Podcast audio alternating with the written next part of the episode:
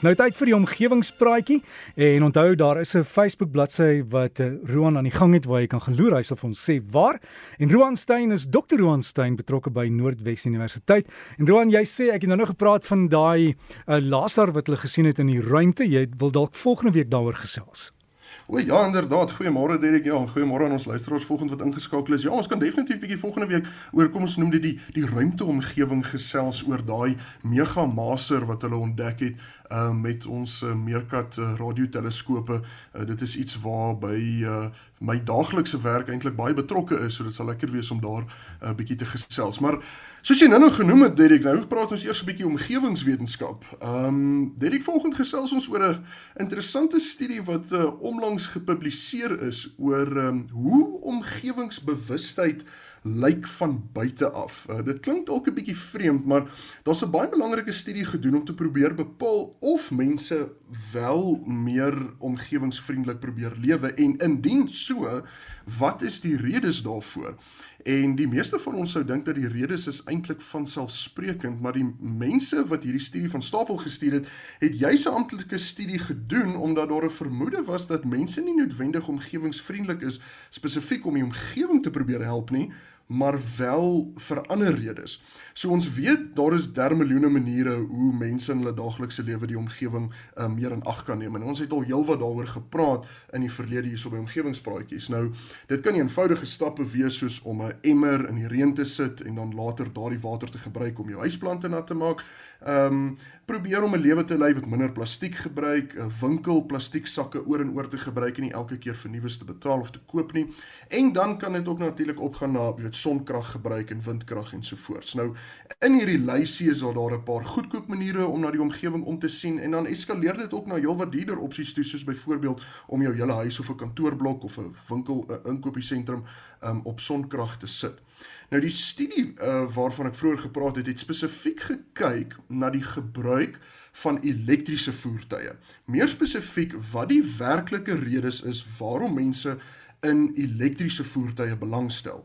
Nou ons het al in die verlede gesels oor elektriese voertuie, uh die wat met batterye aangedryf word en dan ook die wat met waterstof um aangedryf word waar daai waterstof dan 'n chemiese reaksie veroorsaak om die elektriese motors aan te dryf. En hierdie tipe voertuie kan in beginsel 'n enorme bydrae maak tot die bekamping van kweekhuisgasse en natuurlik ons omgewing baie beter maak. Die omgewing waar elektriese voertuie gebruik word is baie stiller en baie gesonder.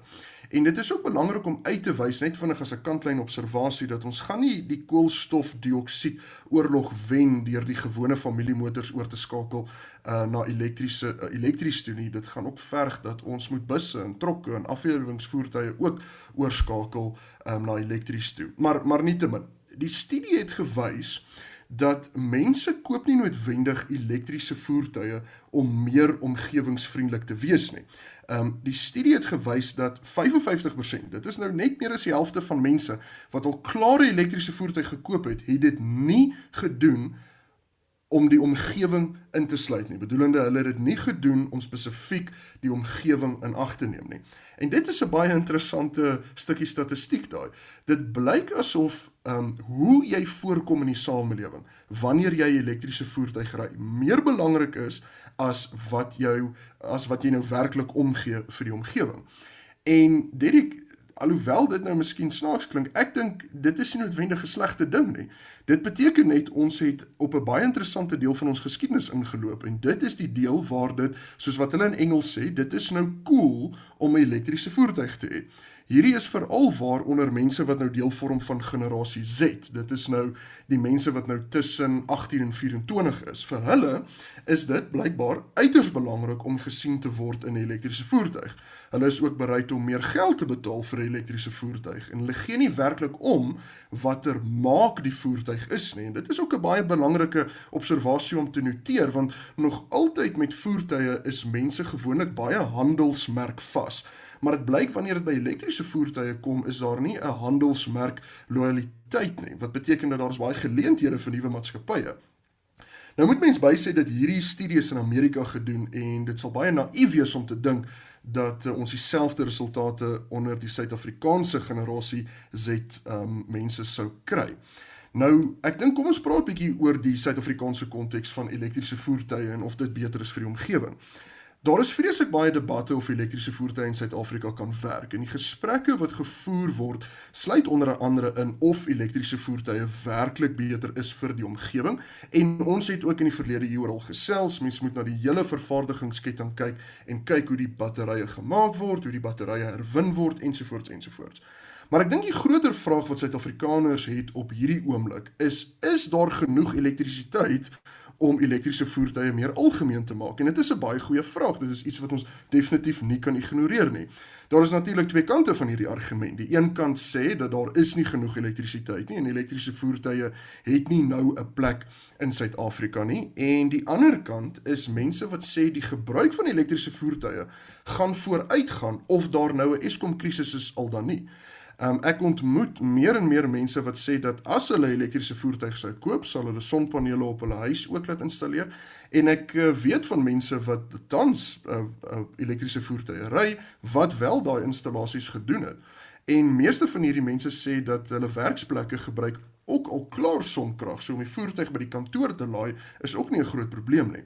En as ons ook kyk na die hoeveelheid aanlyn soektogte um vir nuwe en tweedehandse elektriese voertuie, sien ons dat ehm um, of ons dit nou wil hê of nie en of die omstandighede nou reg is daarvoor of nie, elektriese voertuie gaan kom en hulle gaan in groot getalle kom.